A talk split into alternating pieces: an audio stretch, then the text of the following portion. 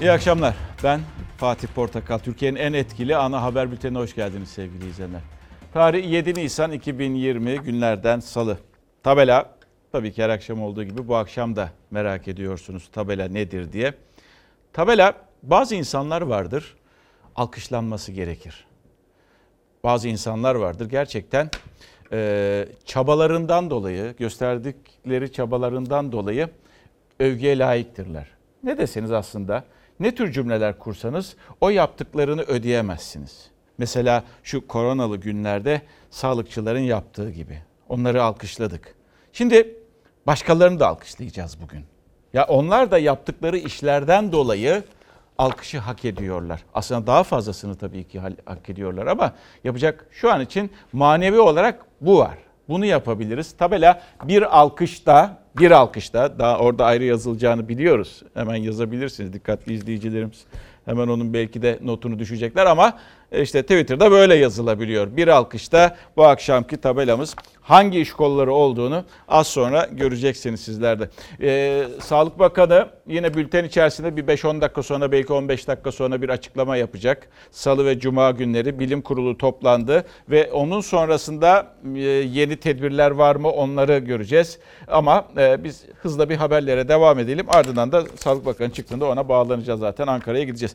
Bakalım önce e, bir özeti günün 24 saatin bir özeti. Yeni veriler henüz daha gelmedi. Belki bakan paylaşacak bizlerle. 649, 649 ölüm gerçekleşti. Vefat ülkemizde gerçekleşti son 24 saatte. 30.217 vaka. Yanlış duymadınız. 30.217 vaka ve burada test sayısı arttıkça vaka sayısının arttığını da görüyorsunuz. Bu artık bir süre böyle yaşanacak. Yani ne demek? O çan eğrisinin tepesine gelene kadar bunları göreceğiz biz. Tabii 10 Mart'tan bu yana, 10 Mart'tan bu yana bugün ayında 7'si, 7 Nisan sevgili izleyenler ve Tabii sadece o değil. Türkiye Büyük Millet Meclisi'nde de bugün ilginç görüntüler vardı. Bu şekilde olduğu gibi oradan da bir haber var. Bugün toplantığı infaz yasasını görüşecek ve görüşmeye başlayacaklar. Belki de görüşüyorlar. Maskeli oturum vardı. Meclis Genel Kurulu'nda istisnasız maske takmadan genel kurula gelmemelerini rica ediyorum. Ve sosyal mesafenin korumasına özen gösterilmesini tekrar tekrar rica ediyorum. Bütün Masalarımızda maskeler mevcuttur. Kapı girişlerinde maskeler mevcuttur. Koronavirüs tedbirleri kapsamında maskeli oturum vardı mecliste. Meclis Başkan Vekili Levent Gök maskeyle açtı oturumu. Sosyal mesafeyle oturulan sıralarda kolonyalar vardı. Tedbir her noktada çünkü vaka sayısı 30 bini aştı. 649 kişi hayatını kaybetti. Teselli ise iyileşen hasta sayısının da artması. Bir günde 284 toplam 1326 hasta iyileşti. Sadece bir rakam değil, 649 hayat onların aileleri, arkadaşları, sevenleri ve geride bıraktıkları anıları. Bir rakamdan çok daha fazlası var her gün açıklanan tablolarda. Koronavirüs salgınıyla mücadele ederken bu tabloda sönen hayatlar artmasın diye yeni önlemler almaya devam ediyor Türkiye. Sağlık Bakanı Fahrettin Koca da alınan önlemlerle ilgili bir tablo paylaştı sosyal medya hesabından. Türkiye'nin koronavirüsle mücadelede Avrupa ülkelerinden daha hızlı önlem aldığı tarihlerle karşılaştırmalı olarak anlatıldı. Temas içinde olan kişileri izole edemezsek kontrol altına alma şansımız olmaz. Tabloya göre Fransa, Almanya, İtalya, İngiltere ve İspanya'nın ilk korona vakası Ocak ayının sonunda çıktı. Tüm ülkelerde bir ay geçtikten sonra eğitime ara verildi. Türkiye'de ise ilk vakanın görüldüğü 11 Mart tarihinden hemen bir gün sonra verildi eğitime ara. Yine tüm ülkelerde toplu bulunan mekanların geçici olarak kapatılması bir ayı geçti. 50. günü bile buldu. Türkiye'de ise 4. günde geçici olarak kapatıldı mekanlar. Ulaşım kısıtlamaları da Avrupa'da bir aydan sonra hatta ikinci aya yaklaşırken yapıldı. Türkiye'de ikinci gün. Araçlarda kesinlikle iki kişi yan yana oturma yapmayacak. Alınan önlemlerden biri de 65 yaş üstü ve 20 yaş altına sokağa çıkma yasağı getirilmesiydi. Cumhurbaşkanı Erdoğan 65 yaş üstündeki kişilere kolonya ve maske dağıtılacağını açıklamıştı. İstanbul'da polis ve zabıta maske ve kolonyaların dağıtımına başladı. Cumhurbaşkanının maske bedava olacak çağrısı karşısında Türk Eczacılar Birliği ise duyuru yaptı. Eczanelerde maske satışı yapılmaması uygun olacaktır dendi. Ancak çağrıya uymayanlar da vardı. Maskesiz girmenin yasak olduğu pazar yerlerinde maske satışı yapıldığı görüldü. Koronavirüs tedbirleri kapsamında 30 büyük şehir ve Zonguldak'a giriş ve çıkışın kapatılmasının ardından il sınırından geçen tüm araçlar polis ekipleri tarafından tek tek denetleniyor. Salgının merkezi İstanbul'da koronavirüs tedbirlerine daha fazla uyuluyor. Burası İstanbul Zeytinburnu sahili evde kal çağrılarının yapıldığı ilk günlerde cıvıl cıvıldı. Hatta bu noktada halay bile çekilmişti. Özellikle güneşli havalarda dolan bu sahil şimdi bomboş. Güneş yüzünü gösterdi ama Caddebostan ve Üsküdar sahilindeki boş alanlar böyle görüntülendi. Toplam hayatını kaybedenlerin sayısı 649. Yanlış anlasın, anlaşılmasın. 24 saat dedik 649 değil. 24 saatte 75 yurttaş hayatını kaybetti sevgili izleyenler ve artık o sayıları sizlerle paylaşıyoruz. Birazdan Fahrettin Koca, Sağlık Bakanı e, açıklama yapacak ve yeni bilgileri öğreneceğiz. Şimdi bu kurul içerisinde, bilim kurulu içerisinde Alpay Azap diye bir profesör var. Onu artık belki de görüyorsunuz televizyonlardan daha iyi tanıdınız. Ee, bazı doğru bilinen e, doğru bilinen yanlışlar üzerinde duruyor. Bakın onlardan birkaç bilgi vereceğim size bülten içerisinde. Mesela e, Covid-19 sadece yaşlı nüfusu etkileyen bir virüstür. Hayır diyor hoca. Yanlış. Doğrusu şudur diyor. Covid-19 erişkin yaştaki tüm bireyleri etkileyebilir. Ben de erişkinim etkileyebilir. Yani 18 yaşından itibaren insanları etkileyebilir diyor. Hastalığı ağır geçirme olasılığı yaş ilerledikçe artmaktadır. Özellikle 60 yaş üzerindeki bireylerde risk artmaktadır. Ama hepimizi tehdit eden bir virüsten bahsediyoruz. Böyle birkaç tane e, doğru bilinen yanlışlar var. Onları e, paylaşacağım sizlerle. Geldik. Dün Cumhurbaşkanı biliyorsunuz ulusa seslendi. E, tam aşağı yukarı bu saatlerde bir, bu saatlerde sesleniyordu. E, 7'ye 5 kala ekranı çıkmıştı.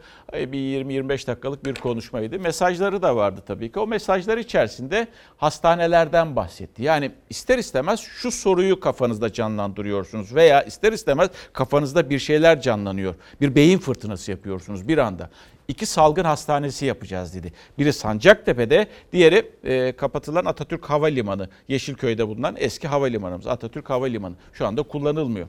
Ve işte beyin fırtınası şuydu. Acaba e, artmasından mı korkuluyordu? Böyle bir hava mı vardı? Veya işte belediyenin yapmış olduğu Sahra Hastanesi vardı az ileride e, Zeytinburnu sahilde. Peki bu iki hastane ne anlama geliyordu diye soruları sormaya başlıyordunuz. Yoğun bir çalışmayla Yeşilköy Atatürk Havalimanı'nın alanını ki bin hastanelik orada şu anda bir plan proje çalışması hızla devam ediyor. Aynı şekilde Sancaktepe'deki havaalanının olduğu kısmında yine bin odalık orada da yine bir katlık hastaneyi yapıyoruz. İstanbul'a yapılacak iki yeni salgın hastanesini kabine toplantısı sonrasında Cumhurbaşkanı Erdoğan açıkladı. Hastanelerden biri Avrupa yakasında Atatürk Havalimanı'nda, diğeri Anadolu yakasında Sancaktepe'deki bu alanda yer alacak. ki bunları süratle şöyle 45 gün içerisinde buraları bitireceğiz ve buraları da tamamıyla insanımızın, halkımızın hizmetine sunacağız. Koronavirüs salgını nedeniyle hastanelere başvuranların sayısı her geçen gün artıyor. Yoğunluk artınca daha fazla yatağa ve yoğun bakım ünitesine ihtiyaç doğdu. Tüm özel ve vakıf hastaneleri salgın hastanesi ilan edildi. Diğer yandan virüs kapan hastaların diğer hastalarla aynı bina içinde tedavi görmesi acaba diğer hastalara da koronavirüs bulaşır mı endişesi yarattı. Türkiye'de koronavirüs salgınıyla mücadelesinin 27. gününde salgından en çok etkilenen ve en fazla vakaya sahip İstanbul'da iki yeni salgın hastanesinin yapılmasına karar verildi. Sancaktepe'deki hastane binasının yapımı vakit kaybetmeden başladı. Cumhurbaşkanı Erdoğan'ın açıklamasının üstünden daha 24 saat geçmeden kamyon ve iş makineleri sahaya indi. İnşaat için ilk kepçe vuruldu. Anadolu yakasının yeni hastane binası bittiğinde tek katlı olacak. Sancaktepe'deki hastanenin yapımına hızla başlanırken bir diğer hastanenin yapılacağı Atatürk Havalimanı'nda da çalışmalar hazırlık aşamasında. Hareketlilik daha çok kargo terminalinin bulunduğu bölgede yaşanıyor. Bir yandan da havalimanında bulunan terminalin içinde park halinde bekleyen uçaklarsa hala yerinde. Aynı zamanda uçakların iniş kalkışları da normal bir şekilde devam ediyor. İki hastane binası da bin odalı olacak ve ikisinin de inşaatı 45 gün gibi kısa bir süre içinde tamamlanacak. 46. günde de hizmete başlayacak. 45 günde iki hastane yapılacak. Bu arada işte dedim ya Yeni Kapı'da e, sahilde belediyenin kurmuş olduğu bir sahra hastanesi var. İçinde teçhizat yok ama sadece hazır bekletiliyor. Tabii bi- bilmemiz mümkün değil. Yani İstanbul e, acaba bir sayı- sayıda artış mı bekleniyor?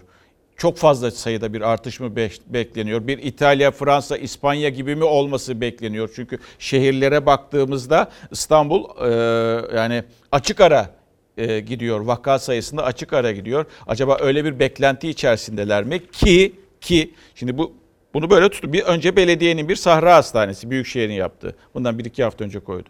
Şimdi iki salgın hastanesi Cumhurbaşkanı söyledi ve e, Sağlık Bakanı'nın ek tedbir açıklaması var İstanbul için. Onları da sizlerle paylaşayım. Şöyle diyor Sağlık Bakanlığı. Taşra Teşkilatı'nda görevli tabipler İstanbul'a hiçbir hiçbir mevzuat sınır- sınırlamasına tabi olmadan atanacak. Bu bir. İki, hizmet kapasitesi azaltılan sağlık merkezlerinde görevli personel ihtiyaç duyulan alanlarda görevlendirilebilecek. Gözü takayım okuyamıyorum yani kendimi zorluyorum. 3. 3. Hizmet kapasitesi azaltılan sağlık merkezlerinde görevli personel ihtiyaç duyulan alanlarda görevlendirilecek. 4.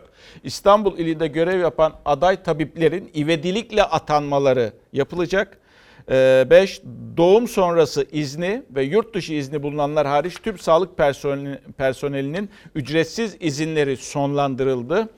Mücbir sebeplerle alınan izinler hariç tüm yıllık izinler iptal edildi diyor. Sağlık Bakanlığı diyor bunu. İstanbul için alınan ek tedbirlerdi. Acaba bir beklenti mi var? Sayının artış yönünde vaka sayısının o yüzden mi hastaneler yapılıyor ve bu tedbirler alınıyor sorusunu soruyorsunuz. Soru sormakta bir sıkıntı yok. Soru sorabiliriz tabii ki. Neticede insanız. Geldik yine Cumhurbaşkanı'ndan gideceğiz. Dün ulusa seslenişte e, maskenin parasız ücretsiz dağıtılacağını söyledi. E, COBİ'lerle ilgili açıklaması vardı. Bir de en çok tartışılan bölümde bu. Yani bunun organizasyonu nasıl yapılacak? Önemli olan da zaten bu. Bu organizasyonu yapabilecek miyiz? Yani insanlar gerçekten kapıyı çaldığında o kapı açılıp da yardım eli hemen uzanacak mı? Geliri olmayan devlete başvursun dedi. Ama yani yövmiyesini kaybetmiş, hiçbir eve para girmiyor, e, bir şekilde hiçbir şey kazancı yok. Parası yok, hiçbir şey yok. İşte o geliri olmayan oluyor. Peki bu geliri olmayana e, başvuru nasıl yapılacak? Veya detayları ne? Detayları neydi? Bir izleyiniz. Bu salgının üstesinden gelecek sadece imkana değil, aynı zamanda morale ve kararlılığa da sahibiz. CHP iktidarda olsaydı bilim kurulunun aldığı tüm kararlara uyar, Türkiye genelinde temel üretimi aksatmayacak önlemleri alarak sokağa çıkma, karantina uygulamasını ivedilikle yerine getirirdi. Koronayla mücadelede Erdoğan kabine toplantısının ardından yeni hafta için çizilen yol haritasını anlattı. Kılıçdaroğlu bilim kurulu kararlarına uyulmasına, sokağa çıkma yasağı ve genel karantinaya dikkat çekti. Hastalığı yayma tehlikesi olan bina, sokak, cadde, köy, mahalle, belde ve hatta ilçe düzeyindeki kimi yerleri tümüyle karantinaya alıyoruz. 44 ilimizin kimi köyünde kimi ilçesinde uygulanan karantina var. Başta 3 öğün yemek, elektrik, su, doğalgaz gibi harcamalarının devlet tarafından tam ve eksiksiz karşılanması gerekiyor. 2 milyon 300 bin haneye daha yardım ulaştırmak üzere hazırlıklara başladık. Köy muhtarının kurduğu organizasyonla marketten eve ihtiyaçları yollayıp veresiye defterine vatandaş adına kayıt açıldığı bir süreci anlatıyorken devlet nerededir? Erdoğan yeni tedbirler kapsamında bedava maske dağıtımından 2 milyona ilave 2 milyon 300 bin haneye daha yardım yapılacağını açıkladı.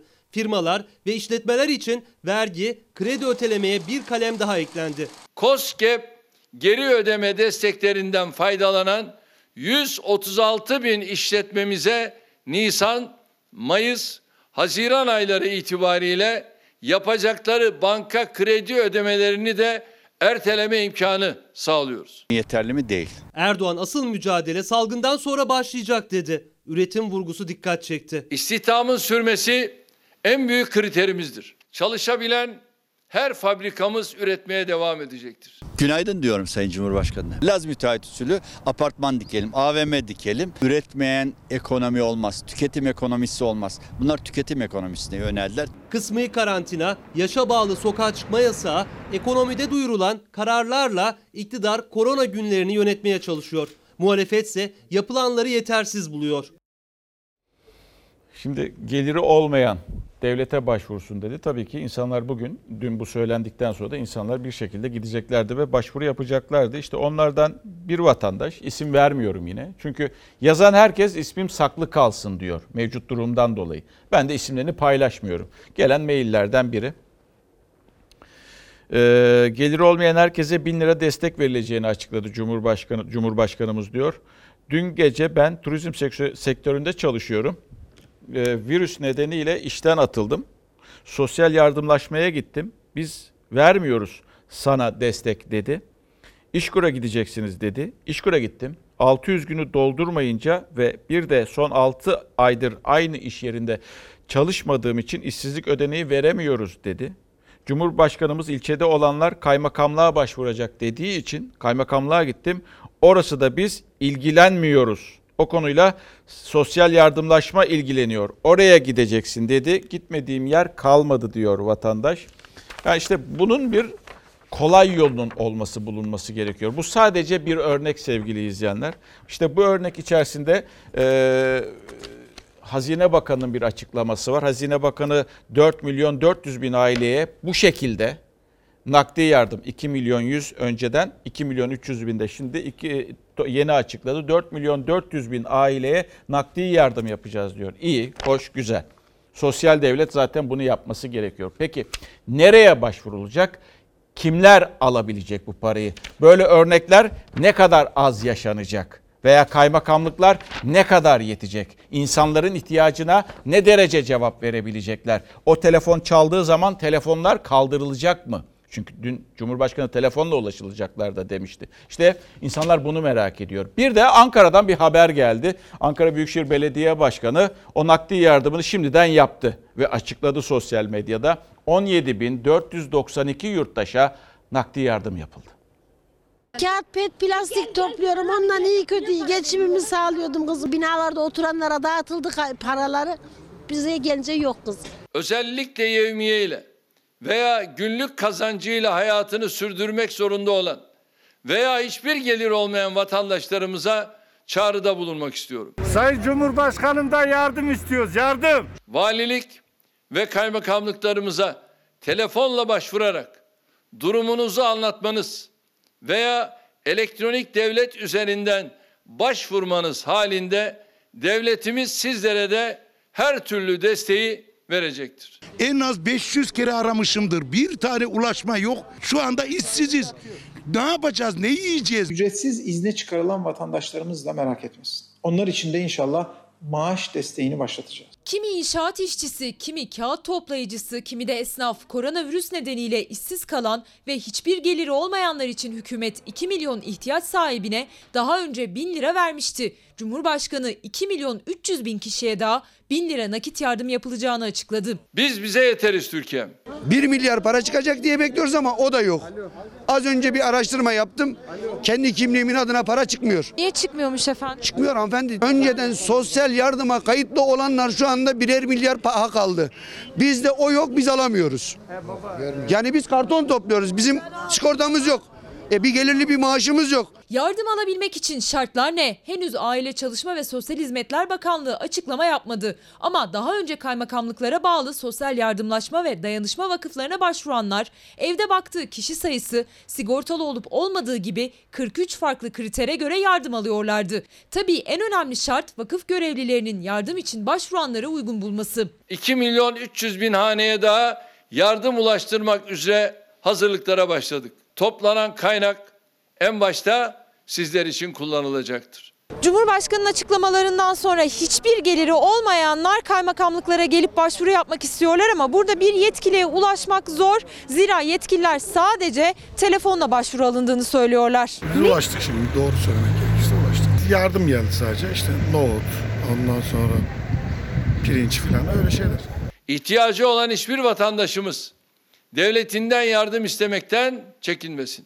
Uğraşamıyor ablacığım anladın mı? Ya bak aha bak. Vereyim arayın. Bak. Ha, bak. Bak.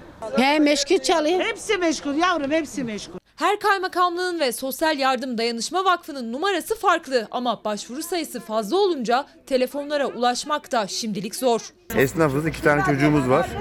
Dükkan kapalı, başka bir gelirimiz yok. Toplam 17.492 hemşerimize nakit destek kartları dağıtımına başlanmıştır. Ankara Büyükşehir Belediye Başkanı Mansur Yavaş da ihtiyaç sahiplerine nakit ve gıda desteği yapacağını duyurmuş, muhtarlarla iletişime geçmişti. Sosyal medya hesabından yaptığı açıklamaya göre salgınla işsiz kalan ve açlık sınırının altında geliri olan toplamda 17.492 kişiye nakit desteğine başladıklarını duyurdu.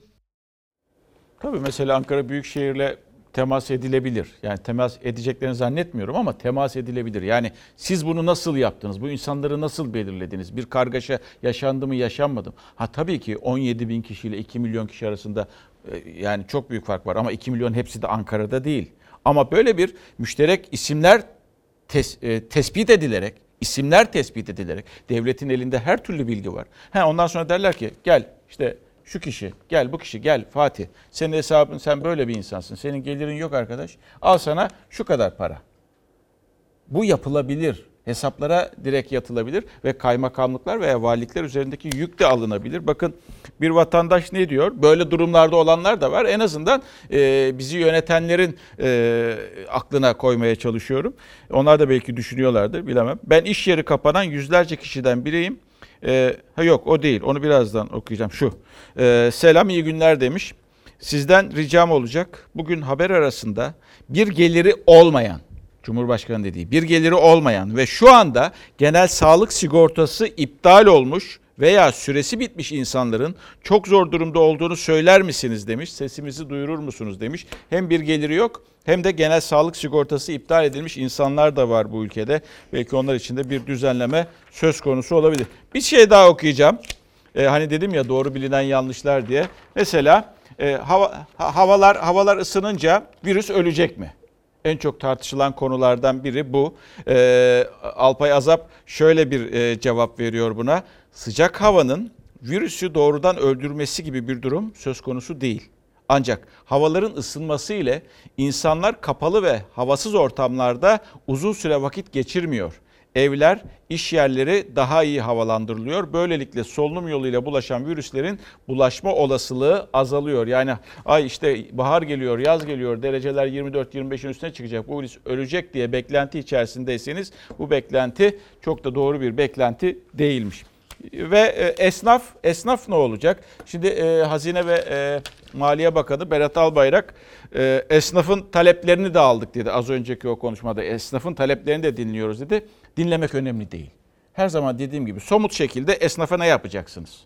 Önemli olan bu. Bunu bekliyor insan. Çünkü bunu yapmadığınız takdirde o söz havada kalıyor. İçi doldurulması gereken bir cümle. Sayın Maliye Bakanı sizin cümleniz. Kucaklamak çok önemli ama dokunacaksınız böyle. Yani kirasına destek olacaksınız, faturalarına destek olacaksınız, vergilerini düşüreceksiniz, almayacaksınız, iptal edeceksiniz belki. Ve işte Bendevi Palan döken aslında şaşırtan bir açıklama Bendevi Bey'in sözü. Türkiye Esnaf ve Sanatkarlar Konfederasyonu deli dumrul gibi fatura mı ödeyeceğiz dedi esnaflarını kastederek söylüyordu bunu ve e, Türkiye Odalar ve Borsalar Birliği'nden de bir çıkış geldi biliyorsunuz. Cumhurbaşkanı e, özellikle e, bu ilk paketi açıklarken ekonomik ek, ekonomik istikrar kalkanı açıklarken partili Cumhurbaşkanı Erdoğan'ın takıldığı isimde ayın 18 18 Mart'ta keyfin yerinde değil mi demişti e, Rıfat Hisarcıklıoğlu'nun. Ama keyfinin yerinde olmadığını şu cümleden anlıyorsunuz. O da diyor ki bankalar şirketlere limit bitti diyor. Geçen hafta geldi mesela faturamız. 704 lira geldi ve bunların hepsini şu anda Şirket cebinden ödüyor. 3 ay esnaflardan fatura alınmaması lazım. Koronavirüs salgını nedeniyle binlerce esnaf kepenk indirirken dükkanını açanlar da giderleri için destek arayışına girerken TESK Başkanı Bendevi Palandöken de elektrik ve doğalgaz için Enerji Piyasası Düzenleme Kurulu'nun bazı abonelere geçmiş tüketim ortalamasına göre fatura göndereceğini açıklamasına tepki gösterdi. Çalışmayan dükkanın harcadığı elektriğin ortalama tüketimi mi olur? Akıl alır gibi değil. Deli dumrul vergisi gibi deli dumrul faturası mı ödeyeceğiz? Bütün esnaflar kapalı. Zaten sokaklarda insanlar da yok. Fotoğrafçı olarak hiçbir şekilde iş yapma olanağımız yok. Bizim makinamız kimyasallarla çalışıyor. 3 günde bir gelip makineyi açıp banyoların ısınması ve onların kimyasallarının düzelmesi lazım. Yoksa tamamen ölecek. Orta tarafı yaktım, makinem bekliyorum. 3 saat sonra ısınınca kapatıp gideceğim. Serkan Altunalan da Ankara'da esnaf.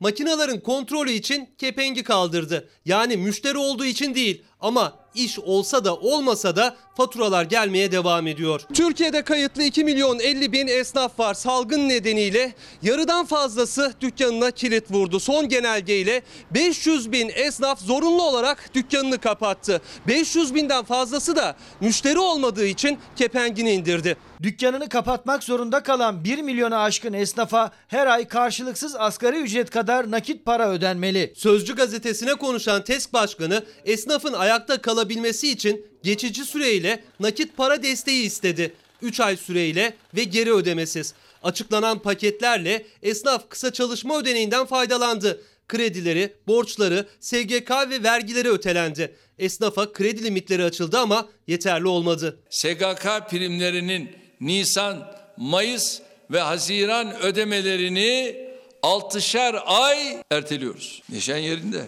Şirketlerimiz bankalar tarafından limit bitti denip başvurusu dahi alınmadan geri çevriliyor.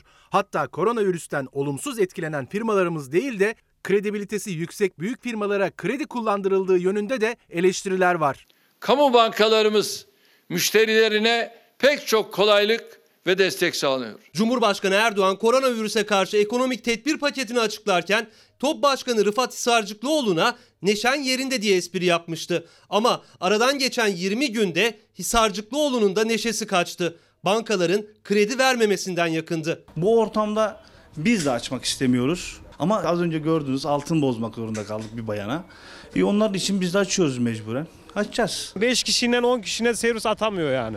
Dolansa belki toplam 2 kişi götürecek 3 kişi gezecek. Hepsi 5 kişi. Mazutu kurtarmıyor yani. 2 haftadır ne evde para kaldı ne pul kaldı. Ya kuruş paramız yok. Yiyecek evde ekmek kalmadı. Dolmuş, taksi, otobüs ve nakliyeci esnafı da büyük sıkıntıda. Mazottaki ÖTV'nin kaldırılmasını ya da indirim istiyorlar. Devletten yardım istiyoruz. En azından mazotu bize indirimli versinler. Hepsi şoför bunların. Çalışmasın, ertesi gün aç. Bir yanda sorunlar, diğer yanda talepler. Esnaf koronavirüs günlerinde açıklanan ekonomik paketten aradığını bulamadı.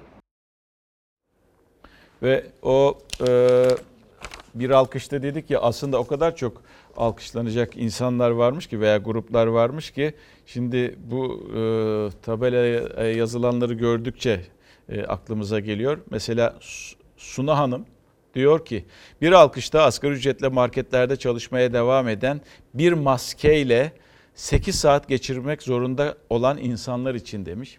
Mustafa Bey de 15 gün yurtlarda, 15 gün cezaevinde, 15 gün evinde çalışan infaz ve koruma memurları bir alkışta onlara diye yazmış. Epey de var. Bir sorunu birazdan okuyayım. Bir sorunu birazdan okuyayım. Bir yine haberle devam edelim. Çünkü epey de bir haber var. Sağlık Bakanı da açıklaması bekleniyor. Ee, onun söyleyecekleri de çok çok önemli. Milli Dayanışma e, kampanyası. Yani hüküm aslında şöyle başlamıştı olayı anlatmak gerekirse. Önce belediyeler, e, büyük belediyeler İstanbul, Ankara, Adana, Mersin gibi büyük şehir belediyeleri bir bağış kampanyası başlattılar. Sonrasında hükümet Cumhurbaşkanı devlet içerisinde devlet olunmaz dedi. Ondan birkaç saat sonra sabah karşıda veya sabahleyin İçişleri Bakanlığı eğer kronolojiyi yanlış hatırlamıyorsam bir genelge yayınladı ve hesapları donduruldu. Yani Ankara'nın, İstanbul'un, Adana'nın, 11 büyük şehrin. 11 büyük şehrin de hepsi zaten CHP'de şu anda. Ve hemen sonrasında hemen sonra belki 24 saat bile geçmemişti. Cumhurbaşkanı Cumhurbaşkanı biz dedi kampanya başlatıyoruz. Milli dayanışma kampanyası. Her şey dedi e, Cumhurbaşkanı üzerinden yürüyecek. Cumhurbaşkanlığı üzerinden yürüyecek dedi. Ardından da zaten karşılıklı açıklamalar başladı. Hala da belediyeler bağış toplayamıyorlar sevgili izleyenler. Geldiğimiz noktada geldiğimiz noktada Ömer Çelik bugün e, bir e, tweet attı. Yani bir bu hastalıklı zihniyet umudu hastalıklı zihniyet derken dayanışma kampanyasını eleştirilenleri eleştirenleri söylüyor.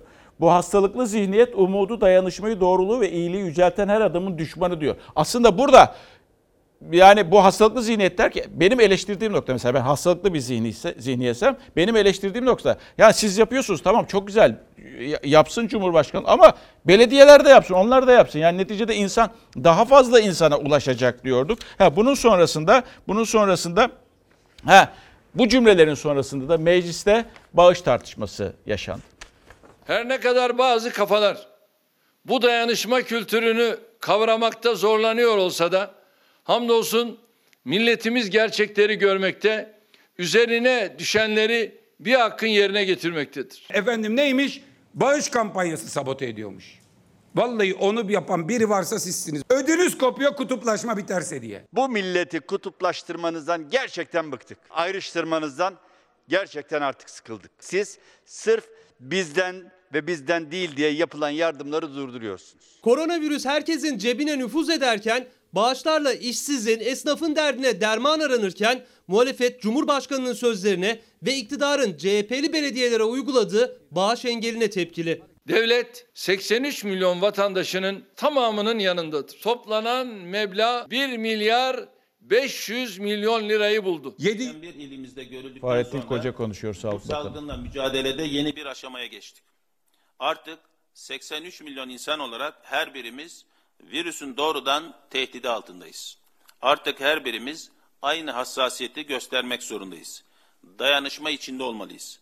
Şu anda salgının daha etkin seyrettiği, bulaşma oranları ve vefat sayılarının yüksek olduğu İstanbul, Kocaeli, Sakarya, Ankara, İzmir gibi şehirler ortak bir özellikleriyle dikkat çekmektedir. Bu şehirler yurt dışı gidiş gelişlerin ve sosyal temasın yüksek olduğu şehirlerdir. Aralarında bunların da olduğu 31 büyük şehrimizin ve Zonguldak'ın diğer şehirlerimizle ilişkisi bazı zorunlu haller dışında sınırlandırıldı. Bu sokağa çıkma konusunda da özellikle kısıtlar getirildi. Tüm Türkiye'de ise 20 yaş altı gençlerimizle 60 yaş üstü büyüklerimizden evde kalmaları konusunda kesin talebimiz var. Bu kısıtlamalara uyulması önümüzdeki günlerin kaderini çok etkileyecektir. Yakın tarihte Türkiye'nin komşu ülkelere, vakaların görüldüğü Avrupa ülkelerine karşı uyguladığı tedbirleri bugün kendi sınırlarımız içinde noktasal olarak uyguluyoruz. Dün ülkemizi dışarıya karşı izole etmeye çalışıyorduk. İzolasyon kuralına şimdi şehir şehir uymamız zorunludur. Aynı kuralı her şehrimizde, her ailenin kendi çevresine yönelik uygulaması da aynı derecede zorunludur.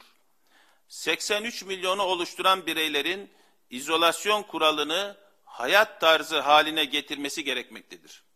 Başka bir seçenek olduğu söylenemez. Fakat bu seçeneğin çok kolay çok kolay olduğunu vurgulamak isterim. Bu mücadelede iki taraf var. Taraflardan biri her fırsatta yüksek bir yayılma kapasitesine sahip olan virüstür. Diğer tarafsa biziz. Hepimizi eşit derecede ilgilendiren, eşit derecede tehdit eden virüse karşı güç birliği içinde olmamız gerekiyor. Bu tehdit bizim gibi her an dayanışma içine girme ortamı kollayan bir toplumun ötesinde bugün bazı devletlerin bile birbirine karşı tutumunu değiştirdi.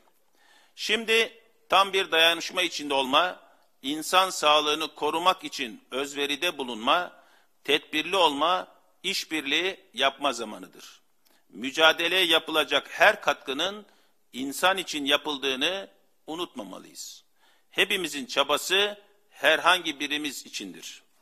Mücadelemizde buluştuğumuz ortak payda insanın sağlığı, insanın kutsiyetidir. Bakanlığımız baştan beri virüsle mücadelenin ülkemizin seçkin insan kaynağının öncülüğünde yürütülmesi gerektiğine inandı. Bunun gerekli bunun gereklerini uygulamaya koydu. Dünyada ilk ciddi tedbirlerin alınmaya henüz başlanmadığı dönemde örneği olmayan yapılanmalara gittik. Bunun ilk sonuçlarından biri bilim kurulunun kurulmasıydı. Tıp dünyasından 35 bilim adamının oluşturduğu bu kurul bilimsel temelli, yöntemli bir mücadele yürütmemizde yürütmemize katkı verdi. Tavsiye kararları ulusal politikalara rehberlik etti. Bugün mücadelenin kapsamı genişlemiş durumda. Toplum olarak hastalığa karşı daha iyi organize olabilmemiz için farklı ihtiyaçlar ortaya çıktı. Toplumsal konularda alınacak tavsiye kararlarına yapılacak yönlendirmelere gerek duyuyoruz. Bu amaçla Toplum Bilimleri Kurulu adını verdiğimiz yeni bir kurul oluşturduk.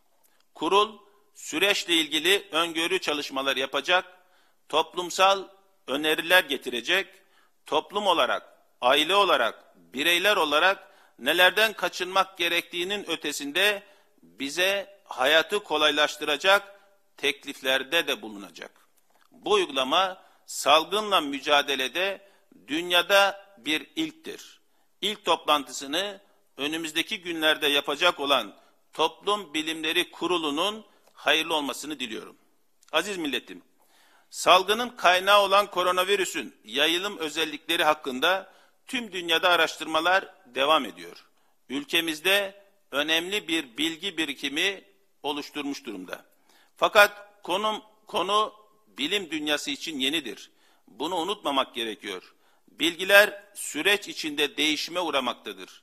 Çin'den gelen ilk veriler sadece yaşlıları daha çok tutan bir hastalık gibi izlenim bırakmıştı.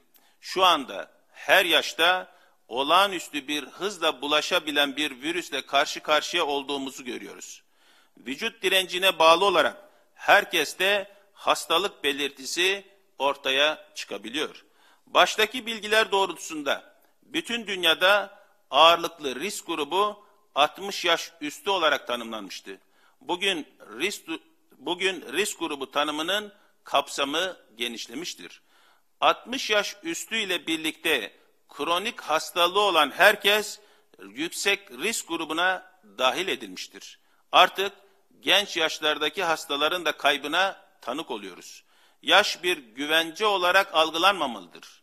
Değildir, sağlıklı görünen, asla belirti göstermeyen taşıyıcıların varlığı kesinlikle unutulmamalıdır. Bütün bu risklere karşı başvuracağımız çözüm izolasyondur. İzolasyon bugün için sağlıklı, geçerli tek hayat tarzıdır. Şüphelilerin taranması konusunda önemli bir gelişme göstermiş durumdayız. Test kapasitemizi arttırdık. Günlük test sayısının önümüzdeki haftayla 30, 30 bine ulaşmasını planlıyoruz. Test sayısı arttıkça doğal olarak pozitif vaka sayımız artmaktadır. Bilindiği üzere bu çalışmada tespit ettiğimiz her vakanın temas zincirini geriye doğru tarıyor, zincirde pozitif olan diğer vakaları saptamaya çalışıyoruz. Pozitif vakalarda test sayısı arasındaki artış ilişkisi tarama çalışmasındaki başarıdan kaynaklanmaktadır. Hastalığın seyrinde akciğer tutulumu, solunum yetmezliği en dikkat çeken tablolardan. Bu hastalarımıza olabildiğince erkenden tedavi uyguluyoruz. Eğer ilerleyişi durduramazsak tedaviye yoğun bakım şartlarında devam ediyoruz. Son günlerde hastalarımızda akciğer enfeksiyonuna geçiş oranında azalma sağladık. İlaç tedavisine erken başlamamızın bunda büyük rolü olduğunu düşünüyoruz. Biz ilk bulgularımıza dayanarak dünyanın bu konudaki refleksini beklemeksizin ilacı erkenden temin ettik ve hastalarımıza bugün ücretsiz olarak ulaştırmayı başardık.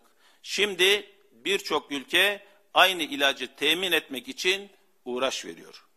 Sağlık çalışanlarımız tanı konarak tedavi altına alınan hastalarımızı yoğun bakımda olanları sağlıklarına kavuşturmak için tüm fedakarlıklarını ortaya koyuyor. Örneği olmayan bu çalışma sonuçlara yansıyor. Hasta sayısına göre kayıp oranlarımız sınırlı seyrediyor. İlaç tedavisine erkenden yoğun bir şekilde başlamanın sonuçlarını görüyoruz. Bu başarıları mümkün kılan bize her hastamıza sahip çıkma, gerektiğinde evde, gerektiğinde hastanede uygun şartlarda tedaviyle takibi gerçekleştirme imkanı sunan sağlık sistemimizdir. Sağlık sistemimizin gücü hepimize güven verecek düzeydedir. Bakanlığımızın desteğiyle halen farklı tedavi alternatiflerinin gelişmesi, geliştirilmesi yönünde çalışmalar yürütülmektedir. Kök hücre tedavisi, iyileştir, iyileşmiş hastaların kanından hazırlanan plazma tedavisi gibi yöntemler kamuoyunun gündemindedir. Bakanlık olarak bu çalışmalara öncülük ediyoruz. Ancak şimdilik araştırma aşamasında olan bu tedavilerin kesin çözüm gibi sunulması yanıltıcı sonuçlara yol açabilir. Bakanlığımız bilim adamlarımızca yürütülen aşı çalışmalarına da öncülük etmektedir. Aşı çalışmaları içinde aynı durum söz konusudur. Araştırmaların başarıyla sonuçlanması yönünde umudumuz ve inancımız var. Fakat uygulama şu andaki ihtiyacımıza cevap verecek hızda gerçekleşmeyecektir. Hastalığa karşı elimizde mevcut olan en büyük güç izolasyon kuralıdır. Sosyal mesafe kuralıdır, temastan kaçınma kuralıdır. Hastalarımızın ve temaslıların kendilerini izole etmesi koşulundan taviz vermemiz mümkün değildir. Bu yüzden evde izole edilmesi gereken hastalarımızı dijital yöntemle takip edeceğiz. Gerektiğinde kendilerini hemen uyaracağımız bir sistemin hazırlıklarını da tamamladık. Yayılmaya karşı aldığımız bu sıkı tedbirin detaylarını daha sonra açıklayacağım. Hastalıkla mücadelede evde tecrit ve takip ilk ve ön adımdır. Gerekli olduğunda her hastaya hastanede tedavi, ihtiyaç duyan her hastaya yoğun bakım hizmeti ve solunum desteği verecek altyapımız, yeterli sağlık çalışanımız var. Hastanede yatışı gereken hastalarımız içinse bütün kaynaklar seferber edilmektedir. Bütün tedbirlerimize rağmen virüs kişiden kişiye bulaşmaya devam ediyor. Geldiğimiz noktada bunu kontrol altına almak zorundayız. Birazdan sizinle son 24 saatin verilerini de paylaşmış olacağım. Ve tablonun az da olsa iyimserlik sebebi olan yönleri de var. 1 milyon 100 bini aşkın sağlık çalışanımız adına sizden şunu istiyorum.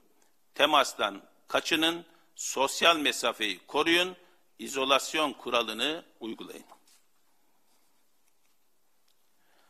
Bugünkü test sayımız 20.023. Bugünkü vaka sayımız 3892. Bugün 76 vatandaşımızı daha kaybettik. 256 vatandaşımız ise şifa buldu. Buradaki tablo ise COVID-19 tanısı ile takip ettiğimiz hastalarımızın Türkiye genelindeki dağılımını görüyorsunuz. Burada kırmızıyla işaretlenen bölgeler yoğunluğun daha fazla olduğu bölgeler olarak yansımakta.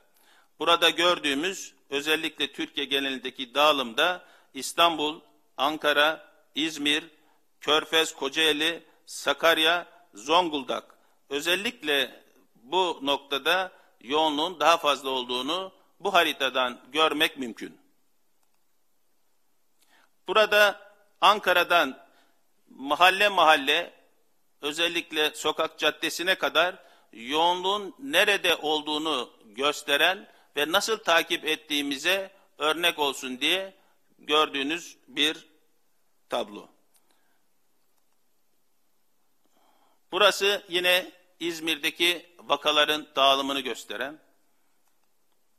Burada İstanbul'daki dağılımı, genel dağılımı ve yoğunluğu görüyorsunuz. Kocaeli'ndeki dağılımı burada görmüş oluyoruz. Sakarya'daki dağılımı özellikle gösterdiklerim yoğunluğun fazla olduğu e, iller olduğunu da söylemek istiyorum. Zonguldak'taki dağılımı bölge bölge, mahalle mahalle, semsem, cadde, sokağına kadar nerede olduğunu çok rahat gözleyebiliyoruz. Bununla tabii şunu söylemek istiyorum. Özellikle illerimizde hıfzı sağ kurullarımız bu verilerle bölgesel karantina uygulamaları daha kolay olabilmiş oluyor. Bu anlamda bizim için önemli. Burada ise son 10 günde yaptığımız test sayıları ve pozitif vakaların dağılımını görüyorsunuz. Yapılan test sayıların her geçen gün arttığını, 20 bini geçtiğini rahat görmüş oluyoruz. Ve burada ayrıca pozitif çıkan e, vaka sayısının da yüzde 22'den yüzde 15'e kadar indiğini görmüş oluyoruz. Yani test sayısı arttıkça vaka sayısının da azaldığını gösteren çünkü taramayı daha yoğun yaptığımız, filyasyonu yoğun yaptığımız dönemde bu e, vaka sayısının e, oran olarak düşüklüğünü gösteren bir tablo. Burada ise vakaların yaş ve cinsiyete göre yüzdelik dağılımı. E, tüm dünyada olduğu gibi bizde de erkeklerde daha fazla görülüyor. Burada da görmüş oluyorsunuz. Ayrıca ağırlıklı e, vakaların görüldüğü yaş aralığı 20 ile 65 arası, yaş arası. Burada 65 sonrası dönemde baştan e, 65 yaş uygulamasının olmadığı dönemde dağılım daha dengeliydi. Ama 65 yaş yasayla birlikte 65 yaşından sonra bunun ne kadar düştüğünü gösteren önemli bir tablo. Yani tedbirlerin bu anlamda sonuç verdiğini gösteren 20 ile 65 yaş arası yoğunluğun daha fazla olduğu, 65 yaş sonrası sokağa çıkma yasayla birlikte giderek bu görül, vakaların görülme oranının düştüğünü gösteren bir tablo. Burada vefatların yaş ve cinsiyete göre dağılımı, burada ise özellikle vefatların 60 ile 85 yaş arası daha yoğunlaştığını ve erkeklerde önemli oranda kadınlara göre daha yüksek oranda e, vefatların olduğunu göster görmüş oluyoruz. Burada ise vefat oranları 60 yaş altı kronik rahatsızlığı olmayanlar, Türkiye'de 60 yaş altı Türkiye'deki vakaların e, ölüm oranının yüksek olduğuna dair yanlış bir e, bilgi aktarımı vardı. E, bunu gösteren bir tablo. Özellikle 60 yaş altı komorbid hastalığı olmayanların toplam içindeki payının yüzde 10 olduğunu gösteren bir tablo. Bu tablo ise vakaların pneumoniye yani zatüreye dönme oranlarını gösteren önemli bir tablo. Burada 24 Mart'tan itibaren bugüne kadar vakaların pneumoniye dönüş oranını görmüş oluyoruz. Ve her geçen gün bu dönüş oranının giderek azaldığını görmüş oluyoruz. Bu bizim açımızdan şöyle önemli. Hastalığın seyrinde öncelikle klinik bulgular ve devamında solunum sıkıntı, pnömoni ve solunum sıkıntısı ve yoğun bakım e, süreci kendisini gösterir. E, ne kadar pnömoniye veya solunum sıkıntısına veya yoğun bakıma geçişi azaltabilirsek tedavide başarı oranımızın o kadar yüksek olacağını biliyoruz. Burada da özellikle 24'ünden itibaren 24 Mart'tan itibaren e, nasıl düştüğünü gösteren önemli bir tablo ve biz pnömoniye dönüşü azaltmış olduk. Daha hafif vakaları erken tespit ederek özellikle burada erken ilaç tedavisinin ve hasta bakımındaki tecrübe ve altyapımızın önemli olduğunu ama hafif vakaları da erken dönemde tespit ederek tedavide tedaviye başlanmış olmasının büyük bir payı olduğunu gösteren önemli bir tablo. Burada ise özellikle e, izole virüsün bu enfekte edilmemiş olan bir hücre. Burada ise enfekte olmuş. Covid-19'da enfekte olmuş hücreleri görüyorsunuz. Buradaki burada şunu söylemek istiyorum. Özellikle 48 saat sonra olan bir tablosu bu. Ee, virüsün izole edildiğini göstermek için bunu söylüyorum. Virüsün Türkiye'de özellikle aşı çalışmaları için erken dönemde başarılması gerekenin izole etmekle başladığını biliyoruz. Ee, bunu bir hafta kadar önce Erciyes Üniversitesi'nden Profesör Doktor Aykut Özdarendeli, e, 3-4 gün kadar önce de Ankara Üniversitesi'nden Profesör Doktor Aykut Özkul Beyler virüsü izole etmeyi başardılar.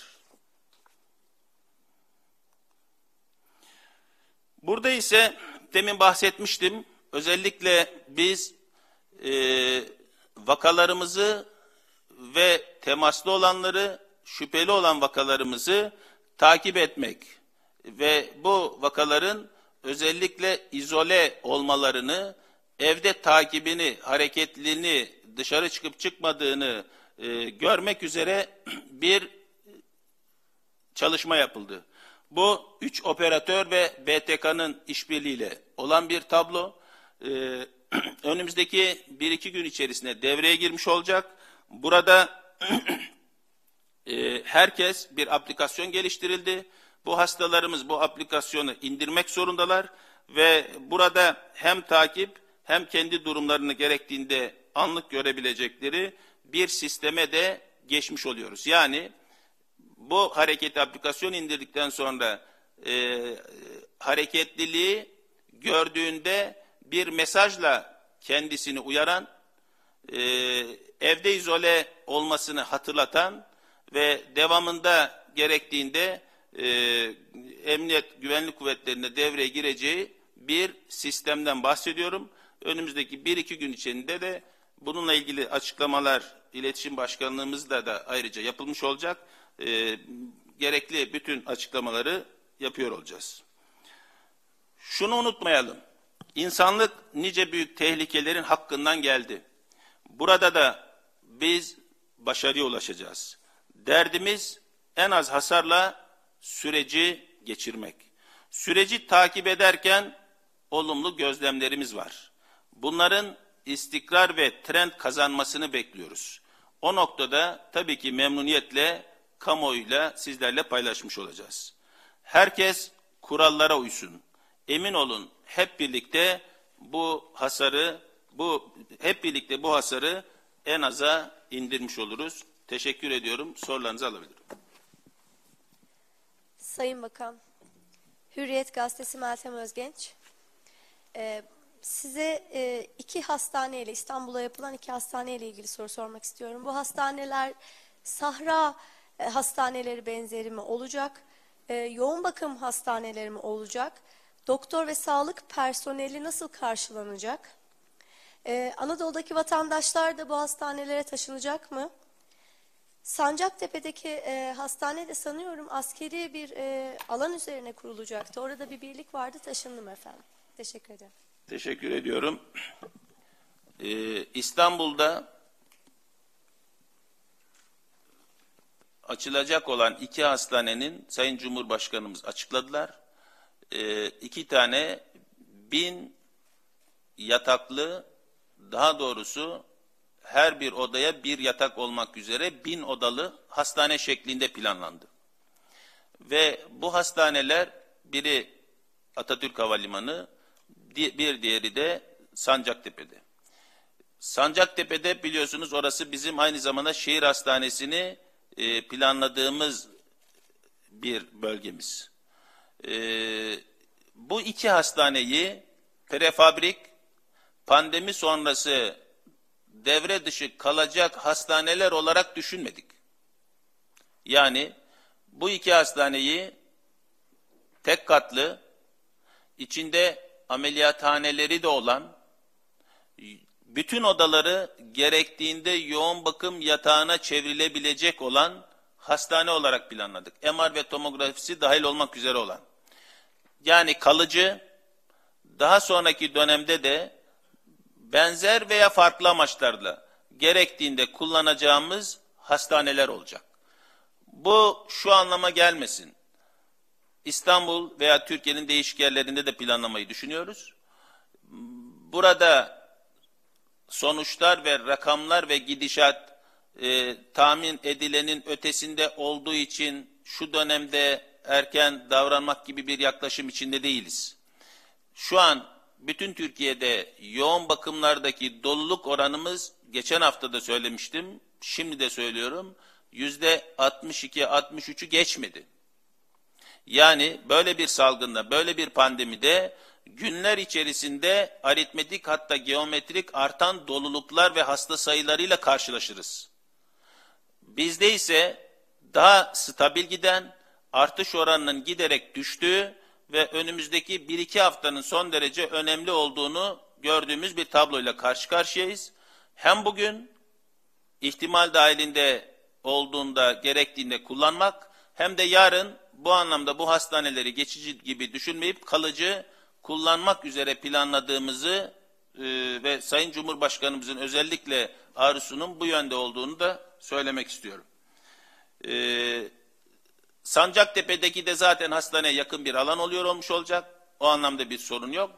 E, Atatürk Havalimanı'ndaki aynı zamanda e, hava ambulansı uçak içinde uygun bir e, mekan olduğu için yeri geldiğinde iller arası veya yurt dışı hasta transferi içinde e, bu anlamda vazgeçilmez önemli bir yerimiz. Bunun için düşünülmüş oldu. Teşekkür ediyorum. Evet. Efendim, e, Sayın Bakan, e, Fox Haber'den Beril Ötkan. E, efendim aslında bu hastanelerle ilgili biraz geç kalındığına yönelik bazı eleştiriler var. Bu eleştirileri nasıl değerlendiriyorsunuz? Bir de 45 gün içinde tamamlanacağı e, söylendi. Bu aslında bize e, bu salgınla mücadelede bir süreci mi anlatıyor? Bir de efendim aslında e, dünyada ilk diyerek duyurduğunuz e, toplum bilim kurulu Toplum Bilimleri Kurulu. Toplum Bilimleri Kurulu. E, kimlerden oluşacak? Acaba yine doktorlar mı olacak yoksa sosyologlar, psikologlar, din görevlilerinden mi oluşacak efendim? Çalışma hayatına yönelik bir çalışmaları da olacak mı? Hayatı kolaylaştıracak çalışmalar yapacak demiştiniz. Bir de efendim e, aslında yaş aralığı ile ilgili de önemli bir açıklamanız oldu. Aslında 20 yaş altı ile 65 yaş üstü sokağa çıkmıyorlar ama e, arada kalan e, yaş grubu da tam da çalışma hayatında olanlar. Onlarla ilgili yeni bir tedbir gündemde midir? Bir de son olarak efendim sağlıkçılardan e, çok fazla mesaj geliyor. E, bu dönemde işi olmayan ve atanamayan sağlıkçılar e, özellikle de sağlık teknisyenleri yeni bir atama olacak mı diye soruyorlar. Çok teşekkürler. Atamadan başlayayım. Biliyorsunuz bu dönemde biz yeni bir atama sürecini başlattık. ÖSYM üzerinden KPSS ile alınmak üzere önümüzdeki birkaç gün içerisinde de zaten e, sonuçlanmış olacak. Bu anlamda alımın olduğunu söylemek istiyorum. E, Toplum Bilimleri Kurulu daha geçen hafta da bahsetmiştim. E, özellikle psikolog, sosyolog, din psikolojisi, din sosyo- sosyolojisi, e, istatistik gibi alanlardan e, etkin ve yetkin bildiğimiz kişilerden oluşan bir kurul olmuş olacak. E, biri daha çok sağlık bilim, tıp bilim kurulu gibi, burası daha çok toplumu ilgilendiren toplum bilimleri kurulu şeklinde e, bir fonksiyon olacak. E, sahra hastaneleri ben demin ifade etmeye çalıştım. Şu an doluluk oranımız yüzde doksanlara çıktığı için bu hastanelerin açılma veya başlatılma durumundan bahsetmiyorum. Bizim şu an yüzde 62'den kastım da şu anlaşılmasın. Yüzde 62 Covid'li hastalardan oluşan bir yoğun bakım sürecinden bahsetmiyorum. Bütün hastalarımızın yoğun bakımda olan Covid dışı hastalar dahil olmak üzere kapasitemizin şu an yüzde 62'sinin dolu olduğunu, yüzde 38'inin yoğun bakımlar için söylüyorum halen boş olduğunu. Yatak doluluk oranımız ise şu an bütün hastalar için söylüyorum daha yüzde 50'yi Türkiye genelinde bulmadı.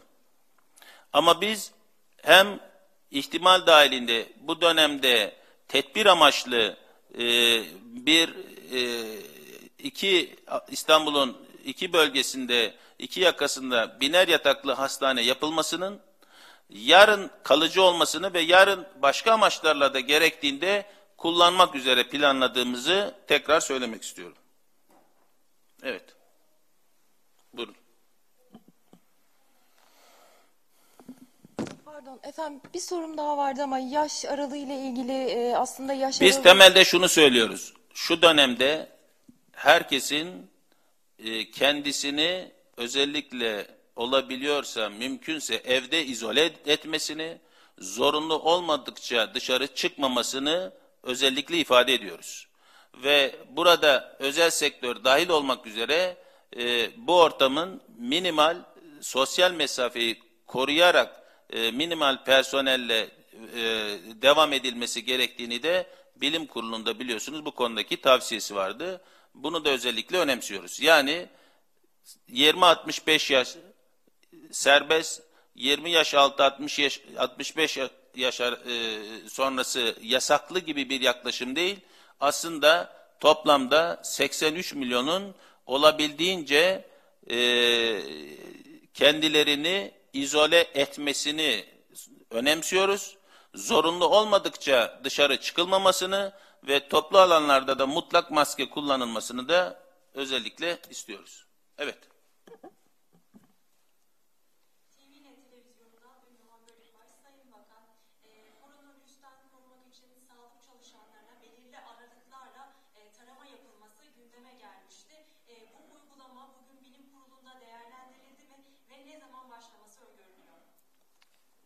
Bununla ilgili özellikle riskli olan sağlık personelimizin bunun bir esası da belirlenmiş oldu. Ee, özellikle e, taramadan geçirilmesi e, bugün de e, gündem yapıldı. Bununla ilgili de bir genel algoritma geliştirildi. Yani başlıyoruz. Zaten bazı e, bölgelerde bu başlandı biliyorsunuz. Evet buyurun. Efendim ulusal kanal buradayım Sayın Bakan. Ulusal kanal Buse Bu, bu Gençtürk. taraftan sanki. Buradan geliyor. Tamam tamam buyurun siz dinleyin. Tamam. Efendim, Ulusal Kanal Buse Gençtürk, özel hastanelerde yoğun bakımda yatan COVID-19 hastalarından fark ücreti alınmayacağı açıklanmıştı. Yoğun bakım sürecine kadar geçen zamanda yapılan tetkikler ve tedaviyle ilgili ücret alındığına dair de bilgiler var. Buna ilişkin acaba yasal bir düzenleme yapılacak mı?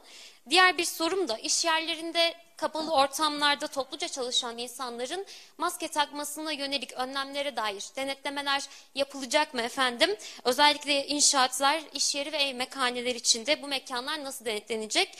Son olarak da hastanelerde hemşire sayısının az olduğu, yeterli olmadığı iddia ediliyor. Bununla ilgili bir çalışma yapılacak mı efendim? Hemşire sayısıyla ilgili sağlık personelimizin alımını e, bu dönemde biliyorsunuz ilana ÖSYM üzerinden çıkılmış oldu. Müracaatlar yapılmış oldu. E, önümüzdeki birkaç hafta içinde çok erken dönemde de başlamalarını planladık. E,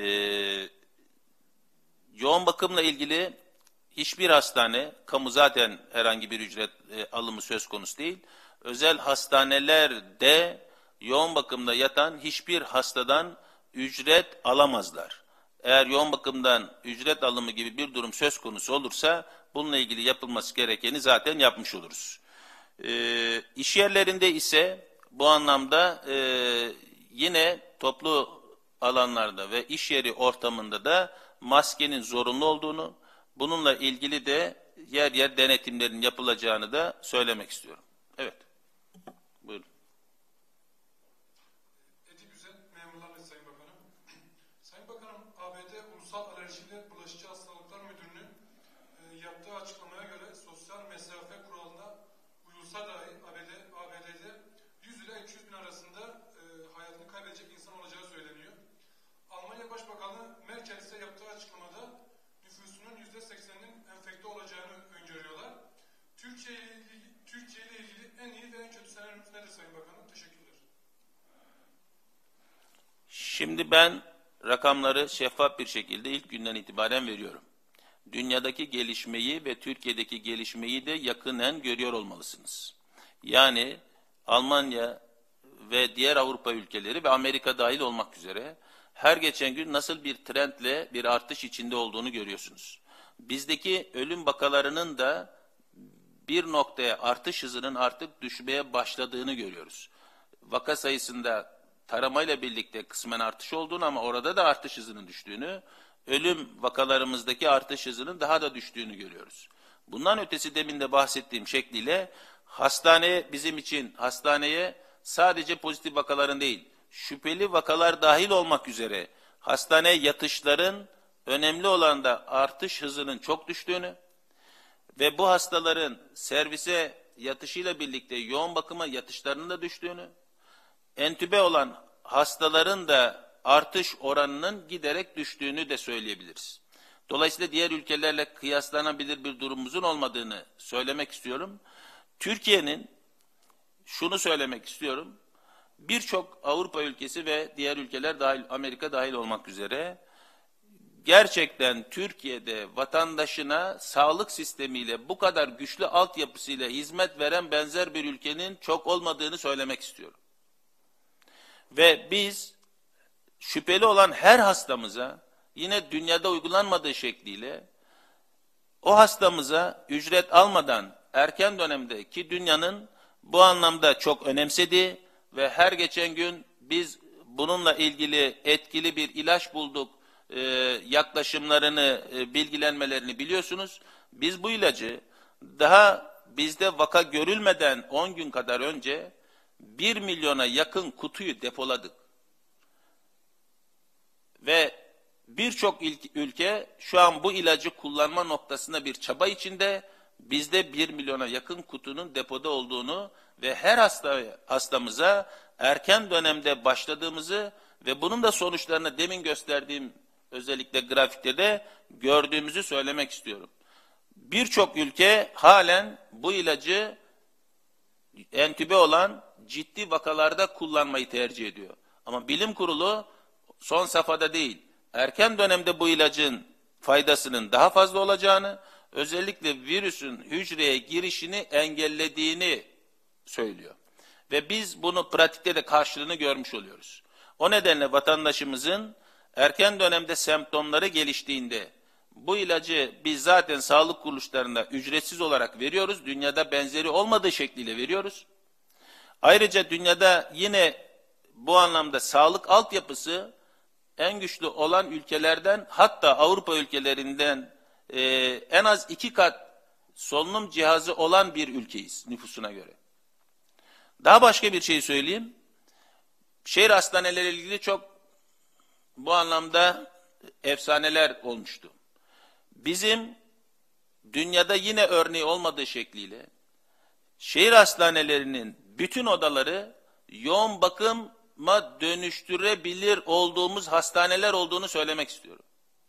Yani biz dünyada örneği olmadığı şekliyle kapasiteleriyle binlerle ifade eden, üç binlerle ifade edilen yatak kapasiteleriyle olan şehir hastanelerimizin her odasını yoğun bakım yatağı olarak kullanabilir durumdayız.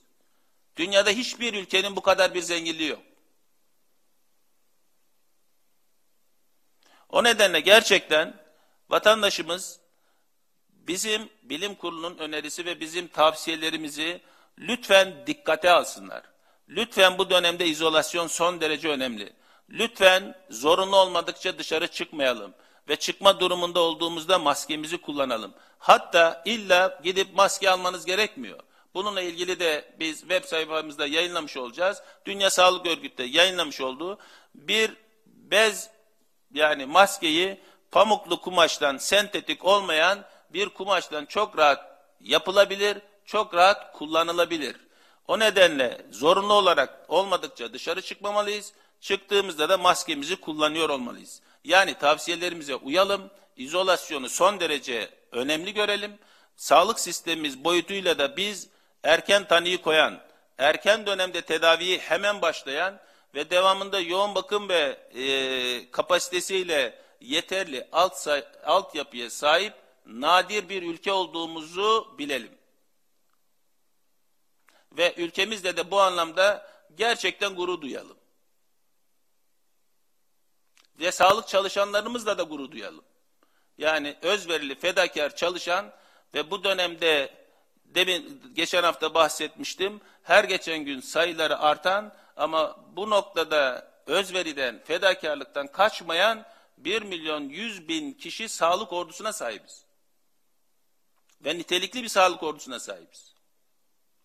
Altyapımız da güçlü ve biz burada mücadele yaparken bilim insanımızı rehber kılarak bu mücadeleyi götürüyoruz. Kusurlarımız olmuyor mu? Yeri geldiğinde herkesin kusuru olabilir. Ama biz varsa bir kusurumuz bunu düzeltmeye de hazırız. Yeter ki önerileri olan olsun. Teşekkür ediyorum. Sözcü gazetesi Erdoğan Süzer. Biraz önce e, maskeden bahsettiniz. Maske kesin olarak kurtarıcı etkisi var mı? Yani insanlar çünkü bir şekilde dışarı çıktıklarında, maskeyle çıktıklarında kendilerini çok e, güvende hissediyorlar. Gerçekten çok güvende oluyor muyuz maskeyi taktığımızda? Maskeyi takarak güvende olduğumuzu hissedip dışarı lütfen çıkmayalım. Maske zorunlu dışarı çıkma durumu söz konusu ise olmalı. Esas hedef evde kendimizi izole etmek olmalı. Sosyal mesafeye mutlak uymalıyız. Biraz önce Onun için gösterdiğiniz... temas diyoruz, temas etmemeliyiz. Onun için e, mesafe diyoruz, mesafeyi korumalıyız. Onun için mutlak izolasyon diyoruz. Evet Sayın Bakan diğer bir sorum da biraz önce gösterdiğiniz haritada tabii yoğunluğu olan iller vardı. İstanbul özellikle çok yoğun e, bir kırmızı vardı. Diğer illerin çoğunda da e, kırmızılar yok. Şimdi sağlık personelini bu- İstanbul'a e, kaydırma ihtiyacı doğacak mı? Şu an öyle bir durum söz konusu değil. Peki bir e, diğer sorum da bu iki hastane e, İstanbul ve e, İstanbul Havalimanı ve Sancaktepe hastaneleriyle ilgili. Atatürk Havalimanı ve Sancaktepe. Pardon evet Atatürk Havalimanı. E, bu hastanelerin yapımı ve işletilmesine ilişkin de bilgi verebilir misiniz? Yine yap işlet devret şeklinde mi Hayır olacak hayır hayır. yoksa Kendi, kendi kendiniz- imkanlarımız. Kendi imkanlarımızı kendimiz işletiyor olacağız. Peki teşekkür Teşekkür ediyorum. Evet. Efendim Haber, Haber Global Televizyonu Ozan Ulaş Çaymaz. İzninizle birkaç soru soracağım. Ee, bugün tamamlanan testlerle birlikte günümüze kadar toplam 222.868 test yapıldığını e, ifade ettiniz. Tanı ve tedavi sürecinde hekimlerin uygun e, görmesi halinde bir kişiye birden fazla test e, yapıldığı biliniyor. Bu bağlamda günümüze kadar test sayısı olarak değil, birey olarak, kişi olarak Türkiye'de kaç kişiye test yapılmıştır? E, Diğer bir sorum da verilere yönelik olacak. Türkiye'de 60 yaş altı hastalarda ölüm, ölüm oranının dünya ortalamasının 4 katı olduğu iddia edilmişti. Az Ben önceki- demin onu izah ettim. az Öyle önceki- olmadığını ifade etmiştim. Az önceki açıklamanızda gerçeği yansıtmadığını söylemiştiniz. Evet. E, bu bağlamda daha detay ver, Bir vermeniz, bizim rakam vermeniz ben demin bir tablo açıklamıştım. Tabloda çok net görülüyor. Ee, iki bizim verilerimizin daha erken dönem verileriyle olan bir sonuç olduğunu ve buradaki oranın da yüzde dokuz onlarda olduğunu demin ifade ettim. Evet. Efendim, tablodan bahsetmişken vatandaşların da bu tabloya erişebilmesi için, herkesin görebilmesi için erişime açılacak mı tüm tablolar? Bir de Biz e, bilgilendirmeyi zaten yoğun yapmak istiyoruz. Zaten tabloları da siz almışsınızdır. Demin gösterdim. bir de ilk sorumu hatırlatmak isterim efendim. Türkiye'de bugüne Size de kadar veririz kaç yani, sorun yok. test yapılmıştır? Teşekkür ederim. Şimdi e, tekrarlayan testlerin olduğu e, doğru. E, 222 binde bu oranın toplamda yüzde onu geçmediğini biliyoruz. Dolayısıyla büyük oranlı bir tekrar olmadığını da söylemek istiyorum. Evet. Efendim Yeni Akit Komiteri Taha Emre Özdemir, e, Sayın Cumhurbaşkanı dün akşam yaptığı açıklamayla e, maske satışlarının yasaklandığını duyurdu. Bu yasak eczaneler için de geçerli mi ki bugün de satışlarına devam ettiler ve e, eczanelerde bir cerrahi maskenin fiyatı 5 lira. Bu e, fahiş bir fiyat mı? İlk sorum bu. E, ikinci sorum da şu şekilde. İnsanlar arasında nanoteknoloji olduğu iddia edilen siyah maskeler yaygınlaştı. E, günlük yıkamayla sürekli kullanılabileceği söyleniyor. Birçok büfede mevcut ve bunların fiyatı da 10 lira. E, Sağlık Bakanlığı bu maskeyi onaylıyor mu? Son olarak da koronavirüs tespit edilen bilim kurulu üyesi hocamızın sağlık durumu nasıl? Diğer üyelerimizin son sağlık durumu nasıl efendim? Teşekkür ederim. Üyelerimizde sağlık sorunu olan herhangi bir üyemiz yok. Bunu çok rahatlıkla söyleyebilirim. Pozitif olan e, sağlık üyemiz için de ben bugün de kendileriyle görüştüm. Herhangi bir sorunu olmadığını söyleyebilirim. Ee, eczanelerde maske satışı parayla Cumhurbaşkanımızın e, net ifadesiyle e, satışı asla söz konusu olmayacak. Bedava vermek istiyorlarsa verebilirler ama satış asla söz konusu değil. Dolayısıyla biz vatandaşımıza e, özellikle ücretsiz maske dağıtımı konusunda da yoğun bir gayret içindeyiz. E, demin bahsettim, illa maskeyi gidip almanız gerekmiyor. Onunla ilgili sitede bir yayınımız olacak. Dünya Sağlık Örgütü de bununla ilgili zaten sitesine koydu. Yani biz çok rahatlıkla kendimiz illa deri ve benzeri olması gerekmez. Sentetik olmayan pamuklu bezden çok rahatlıkla bu maskeyi yapabiliriz. Sitemizden de onu takip edebilirsiniz. Teşekkür ediyorum.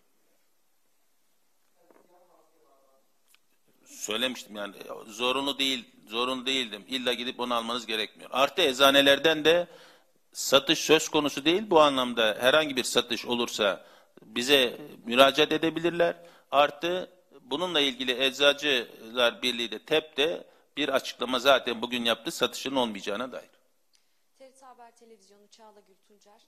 Efendim az önce açıkladınız evde izole edilmesi gereken hastalarımızı dijital yöntemle takip edeceğiz dediniz. Bu yöntem nasıl olacak? Elektronik kelepçe kullanılacak mı? Kelepçe değil, bir aplikasyon telefonlarına indirilmiş olacak.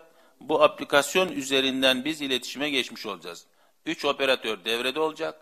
Bu üç operatörün devrede olduğu hareket halinde onu uyaran adres bilgisiyle birlikte onu uyaran ve e, ve mesaj gönderen e, bir sistemden bahsediyorum.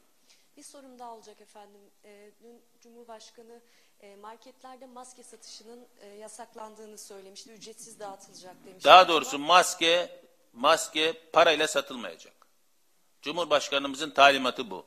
Parayla maske satışı söz konusu olmayacak. Marketlerde verilmesi... Market dahil olmak üzere. Bedava veriyorlarsa sorun yok. Teşekkürler. Teşekkür ediyorum. Teşekkür ediyorum. Sayın Bakan konuşmasını bitirdi. 19.35'te başlamıştı. 25-41 dakika konuştu ve soruları da yanıtladı. Önce bilgileri vereyim sizlere. Ee, 24 saat içerisinde yeni e, test sayısı 20 bin civarında. Artık bunun altına sanki düşmeyecek gibi. Ee, ama burada e, sevindirici bir taraf var. Şunu söyledi Fahrettin Bey. E, Test sayısı artarken vaka sayımız e, yani düşük oranda artıyor. Bunun bilgisini verdi. Ve 76 ölüm gerçekleşti 24 saatte. Belki sizin de dikkatinizi çekmiştir. Bir süredir ya tabii ki her insan değerli. Bir insanı yani hiç ölmemesi, bütün hepsini kurtarmak çok çok önemli. Ama bir de gerçekle yüz, yüz yüzesiniz ve işte burada görüyorsunuz toplamda 725 vatandaşımızı kaybettik. Ee, ama ölüm artışı o aralıkta duruyor gibi. Yani 65, 75 sanki ölüm artışının hızlı düşüyor gibi. Yani bir, gö, bir şey hani beyin fırtınası diyoruz o yani bir istatistiğe dayanmıyor benimki ama gözlemlediğim o şekilde. Bunun cevabını istatistikçiler verecektir. Toplama baktığımızda 34.109 vakamız var Türkiye'de. 34.109 vakamız var. Hayatını kaybeden insanlarımızın sayısı 725. Ee, yoğun bakımda 1474 yurttaşımız bulunuyor. Entübe yani e, onu da bu süreçte öğrendik. E, solunum cihazına bağlı olanlarımızın sayısı 987. Bin, iyi bir gelişme 1582 vatandaşımız iyi oldu ve evlerine gönderildi. Şimdi bakan bunları konuşurken e, bir aplikasyondan bahsetti. Önemli bir şey. Yani kimileri evlerine gönderiliyor ama dedi evlerine gönderiliyor da onları biz orada boş bırakmıyoruz. Onların da e, gözlemliyoruz, dijital gözlemde bulunuyoruz. Tabii insan önce ne olduğunu anlayamadı. Daha sonra buna bir açıklık getirdi. Bir aplikasyondan bahsetti. Akıllı telefonlara herhalde bir şey indiriliyor ve o, yüzde, o ve o aplikasyon üzerinden de bu insanlar e, takip ediliyorlar. Güzel bir şey, bir teknoloji kullanılıyor yani. Bu da sevindirici bir olay. He, daha sonra hastaneler de e, olayı vardı. Sağlık Bakanlığı'nın iki Sahra Hastanesi kuracağını ama buna dedi Sahra Hastanesi olarak bakmayalım. Bunlar kalıcı kalıcı olacak. İstanbul'da pandemiden sonra da devam edecek. Biri Sancaktepe'de, diğeri Atatürk Havalimanı'nda. İstanbul'un boğazını biliyorsunuz. Biri Anadolu tarafında, biri Trakya tarafında. Ee, ve pandemiden sonra da bunlar hastane olarak e, devam edecekler dedi. Bin yataklı. Ha, e, dün bu soruyu sormuştuk. Bunu kim yapacak? Yap işlet devret mi? Ee, yani bu şehir hastanelerinde olduğu gibi dünya kadar para akıtıldı ya e, ve müteahhitler yaptı. Onlar gibi mi olacak yoksa devlet mi yapacak? Hayır dedi biz yapacağız dedi. Sağlık Bakanlığı yapacak dedi. Bunun sorumluluğu onda dedi. Ve Atatürk Havalimanı'nın da bundan sonra hastane olarak görev yapacağını anlamış oluyoruz. Bu da güzel bir şey. En azından faydalı bir şey ee, olacak diye düşünüyoruz. Bir de bir de bir şeycik daha söyleyeceğim ama buraya ben yazmışım. Bunu neden yazdım? Hmm, unuttum. Tamam. Önce bir emeklilere gidelim. Ben bunu aklıma getireceğim zaten. Şimdi eee emekliler tabii onlar bayram ikramiyelerini e, bir ay önceden aldılar e, veya işte ne kadar bir buçuk ay önceden aldılar. Ve tabii ister istemez de e, bankalara akın etmeye başladılar. Ha, fiziksel mesafe kaldı mı? Hayır kalmadı. İyi çek ama. Bayram ikramiyesi mi? İkramiyelerimiz bugün başladı. Mecburen kendimiz alacağız. Siz de risk grubundasınız aslında. Tabii risk grubundayız. Korkuyorsunuz. Korkunun ecele faydası yok. İkramiyelerini çekmek için dışarı çıktılar. Banka önlerinde ikramiye kuyruğundaydı emekliler. Yaş kaç mı? 65. Sokağa çıkmanız yasak normalde. Evet biliyorum. Yok mu kimse gelip sizin yerinize para çekecek? Yok. Olsa Ya- zaten gelmiyor. 18 günden beri buradayım ben. Yani evdeyim. Tedbirimi aldım yani. Dezentifimi yaptım. Maskemi taktım. Korunduktan sonra niye korkuyun? Emekli ikramiyelerinin ödenmeye başlanmasıyla birlikte bankaların önünde de yoğunluk oluştu. Çoğu riskli yaş grubunda ama paralarını çekebilmek için yine bankanın önünde kuyruktalar. Üstelik kuyruklarda sosyal mesafeyi korumak oldukça güç. 65 yaş ve üzerine sokağa çıkmak yasak aslında ama yalnız yaşayanlar ve nakit paraya ihtiyaç duyanlar mecburen çıktılar. Yaş 65. Normalde çıkmamanız gerekiyor. Tabii gerekiyor hastaneden geldim. Bakalım bir şey giderim eve giderim. Şimdi Kimseniz yok mu maaşınızı Yok çekecek? kimsem, kimsem yok. Bankada ufak bir şey para alıp gidiyorum. Korkuyoruz tabii. Ama mecbur kaldığım için ihtiyaç var diye çıkıyorum. Yaş sınırına takılmayan emekliler de aslında risk altındalar. Çünkü yaş arttıkça tehlike de artıyor. Salgını engellemek için önlemler alınsa da yeterli olmuyor. Yakınlarımız da hep evdeler. Maaş gerekirse biz çekiyoruz gidip. Yani biz riskli yaş grubunda olmadığımız için birazcık kurtardık kendimizi. 12 Nisan'a kadar 12 milyon emeklinin ikramiyeleri yatırılacak. 65 yaş üstündeki emeklilerin maaşları evlerine götürülmeye başlandı ama hala bilmeyenler var. Bir de beklemek istemeyenler. Onlar kuyruklara girmeye devam ediyor. Sağlık Bakanı söylediğinin aksine bir davranış şekli. Bakın şu e, bülten başlarken şöyle bir şey demiştik. Acaba İstanbul'a e, hastaneler yapılıyor iki tarafa. Yani bir Anadolu bir Avrupa tarafına. E, bunun sebebi bir e, İstanbul'da bir patlama mı? Yani bir hasta sayısında vaka sayısında bir patlama mı bekliyorlar da iki hastane yapılıyor demiştik. Bu sorunun da cevabını almış olduk. Hayır dedi ve daha sonra alınan Sağlık Bakanlığı tarafından alınan, alınan önlemler vardı. Acaba sorusunu e, kafamıza getirmiştik. Ha, demek ki e, ya dinlendi bu soru orada e, televizyon açık önlerinde veya e, onlar da düşünmüş olabilirler. Bu hastaneler yapılıyor insanları yatıştıralım ne amaçla yaptığımızı anlatalım diye olabilir. Böyle bir öngörüden dolayı değil. Sadece gelecek açısından da böyle hastanenin iki tarafta da olacağını söyledi bize kendisi. İngiltere'ye gideceğiz. İngiltere Başbakanı durumu çok muamma bilemiyoruz. Hastaneye kaldırıldı ve bugün de yoğun bakımda. Hastanede korona tedavisi gören İngiltere Başbakanı Johnson'ın durumu kötüleşti. Gece yoğun bakıma alındı. Oksijen desteği verildi. İngiltere, Başbakan Boris Johnson'dan ard arda gelen haberlerin şokunda. Koronavirüse yakalanan Johnson kendini karantinaya aldı. 10 gün sonunda ne ateşi düştü ne öksürüğü azaldı. Boris Johnson doktorların tavsiyesiyle hastaneye kaldırıldı. Koronavirüs nedeniyle hastanede tedavi altına alınan ilk dünya lideri olan Johnson'ın sağlığı ilk müdahale sonrası da düzelmedi. Aksine kötüleşti. Başbakan yatışından yaklaşık 24 saat sonra yoğun bakıma alındı.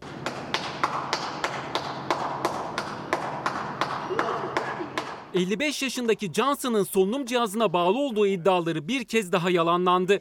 Başbakanlıktan yapılan açıklamada Johnson'ın durumunun gece stabil olduğu ve yalnızca oksijen desteği aldığı söylendi. Başbakan'a zatüre teşhisi konmadığı ve moralinin yerinde olduğu belirtildi. Haberin duyulmasının ardından birçok ülke liderinden Johnson'a destek mesajı yağdı. Amerika Başkanı Trump yardım teklifinde bulundu. Başbakanın advice, I Covid-19 must nedeniyle tedavi gördüğü İngiltere'de açıklanan son rakamlarsa korkutucu. Son 24 saatte 786 kişi virüs nedeniyle hayatını kaybetti. Ülke genelinde ölü sayısı 6159'a yükseldi. Bir alkış da dedik ya. Tabela bugün işte görünmeyen kahramanlar için. Mesela PTT çalışanları. Onlar çok yoğun çalışıyorlar. Aklımızda ne soru varsa, ne yapmak istiyorsak belki de birçok şey için PTT'ye gidiyoruz. PTT çalışanlarına çok büyük bir alkış. E-Devlet şifresi almaya geldim. İnternet üzerinden başvurdum olmadı. Telefonla aradım maalesef ulaşamadık. Muhtemelen yoğunluktan ötürü çökmüş. E bir de şansımı postane deneyeyim dedim ama maalesef onlar da veremiyormuş. Bugün en azından bugün için öyleymiş. Bilgi edinemediğimiz için ne yaptık? Biz de sokağa çıktık. Yani bu da bir risk. Sonuçta evde yaşlı bir insan var. Çalışanların üzerindeki iş yükünü çöken sistem ortaya koydu. Telefonlar da kilitlendi. Son çare şubelere gitmek olunca PTT önlerinde yoğunluk da fazlaydı, güvenlik önlemleri de. Kalabalık dağıtılmaya çalışıldı ama PTT çalışanlarının gişedeki yoğun mesaisine bir de devletin salgın kapsamındaki hizmetleri eklendi. PTT çalışanları kapıya kadar gelecek ama onlar gelmeden aklında sorusu olan, çaresiz kalan, internet kullanamayan yine PTT'nin önündeydi. Ev vatandaşlık lazımmış, internet lazımmış. Onu da çoğu vatandaş bilmiyor. Ha, geldik bekliyoruz nasıl olduğunu da bilmiyoruz. E, adresinizi veriyorsunuz. Adrese geliyormuş yani. Oğlum asker ona para yatırmak için geldim. Parasını yatıracağım orada parasız kalmış. Görüldüğü gibi ikramiye ödemelerinden internet üzerinden yapılması gereken tüm işlemler için gerekli olan e-devlet şifresine ve hatta ücretsiz maske dağıtımına kadar bugünlerde en fazla mesai yapan kamu kuruluşlarından birisi PTT. Şu anda açık olan bir şubesindeyiz ve işte manzara tek sıra halinde gerekli önlemler alınmış bariyerlerle. Biz de biraz anlayışlı olmamız lazım. Sadece polis de potede değil kardeşim. Üstüne yoluyor millet. Anlamıyor ki. E senin sağlığın için uğraşıyor herkes. E demin yüzüme burada bir tanesi öksürdü, tiksildi gitti bak şimdi yüzüme. Bugün iş gücü fazla olan postane çalışanlarına emniyet güçleri de destek veriyor. Sıra konusunda onlar da gerekli ikazları, uyarıları yapıyor. Sosyal mesafe kurallarına dikkat edilmesi önemli. Yine herkes maskesiyle PTT'nin önünde sıraya girdi. Aslında bu sıranın oluşmasına neden olan en büyük sebeplerden biri de e-devlet şifresi. İnternet hiç kullandınız mı? Nasıl? İnternet hiç kullandınız mı? Yok hiç anlamam internet kullanmaktan. Şimdi e-devlet şifresini alınca nasıl yapacaksınız? Bu işe bir, bir milyon verecekler ya onun için lazımmış herhalde. İş kurup üzerinden işsizlik ödeniyor diyecek. Biz de bunları e, götüreceğiz. Bunlar PTT üzerinden gerçekleşecek. Gişe çalışanları sürekli risk altında çünkü yüzlerce vatandaşla e, temas halindeler. E, Bizler e, dağıtıcılar olarak e, PTT personeli, gişede çalışan olarak virüs taşıyıcı olmak istemiyoruz. Habersen Genel Merkezi Hukuk Sekreteri Yaşar Polat tüm bu hizmetlerin dışında bir yandan da hala bazı ceza tebligatlarını ulaştırıyor adreslere. Yaklaşık 40 bin çalışan olan PTT'de 15.427 dağıtıcının 8 bini taşeron. MHP meclise taşıdı, özlük hakları için çağrı yaptı. CHP İstanbul İl Başkanı Canan Kaftancıoğlu da sorunları şube başkanlarından Gülseren Güngördü'den dinledi. işte süt izni olanlar, işte anaokulu ve kreşte olan e, annelerin e, çalışmasına normalde idari izne bağlanması gerekiyordu. Taşeron firma elemandaki kadın arkadaşlara böyle bir e, uygulama götürülmedi. Ücretli izinde olanlar bu idari izinden kaynaklı onlar tekrar çağrıldı. Kapalı olan PTT'lerde ise işlem yapılmıyor anlamına gelmesin. Çünkü orada da kargo çalışanları mesai başında. Ve onların da bir ricası var. Zaruri ihtiyaçlarının dışında kargo siparişi vermesinler. Halkımız daha duyarlı olursa bu konuda da seviniriz. Bu arada tabii PTT çalışanlarına alkışladık ama bakın mesela o haberi yapan iki haberci vardı. Biri e, işte e, Gülşah İnce, diğeri de Soner Daba, kameraman arkadaşlarımız. Sadece bizde çalışanlar değil. Tüm haberci arkadaşlara da aslında bir alkış, kocaman bir alkış hak, ed- hak ediyorlar. Çünkü bu haberleri sizlere ulaştırabilmek için onlar sabahtan çıkıyorlar, gündüz geliyorlar, haberlerini yazıyorlar, montajlıyorlar ve hazır hale getiriyorlar. Bizler sadece sunuyoruz aslında yaptığımız bu. Onların emeklerine de bir kez daha alkış. Bir alkış daha. Bir alkış daha. Kimlere gelecek? Kuryecilere gelecek. Onlar yolda. Sabahın ilk ışıklarından gecenin kör karanlığına. Yağmurun ıslattığı yollarda, sonu gelmeyen basamaklarda. Issız sokaklarda, açılamayan kapıların ardında. Bugün istediğimiz her şeye kolayca ulaşabiliyorsak, her ihtiyacımızı sokağa çıkmadan giderebiliyorsak, onlar bize ulaştırdıkları için. Haydi Türkiye, kapımıza sıcacık bir mesaj bırakalım. Onlara, yoldaki tüm kuryelere hep birlikte teşekkür edelim. Sağ olun, sağ olsunlar. Cem Yılmaz seslendirdi. Belki fark ettiniz. Sesi anladınız mı bilmiyorum. Cem Yılmaz'ın sesiydi. Berat Kandilimiz mübarek olsun sevgili izleyenler. Onu da hatırlatalım. Onu da kutlayalım. Ve Fox Haber biliyorum çok tartışılan bir haber. Ee, kişilerden dolayı da belki o da olabilir. Ama çok izlenen bir haber bülteni. Akşamı, sabahı, hafta sonu, hafta içi, hafta sonu sabahı, hafta içi ana, hafta sonu ana haberi. Ve e, sosyal medyası da çok takip ediliyor. Burası Twitter değil mi? Twitter'da Fox Haber 1 milyon takipçiye ulaştı. Başında da sevgili Elvan var. Ona da çok çok teşekkür ediyoruz. Erçe ile birlikte onlar da e, tüm gücüyle bu haberleri sosyal medyadan paylaşıyorlar. Gücümüze güç katıyorlar. E, takip edebilirsiniz sizler de. Ve reklam. Kapatıyoruz sevgili izleyenler. Bizden sonra Türk filmi, e, filmi var. İsmi Anamız Var. İzleyebilirsiniz. Yarın daha mutlu, daha huzurlu, daha güvenli bir dünya ve tabii ki Türkiye'de buluşmak umuduyla. Hoşçakalın.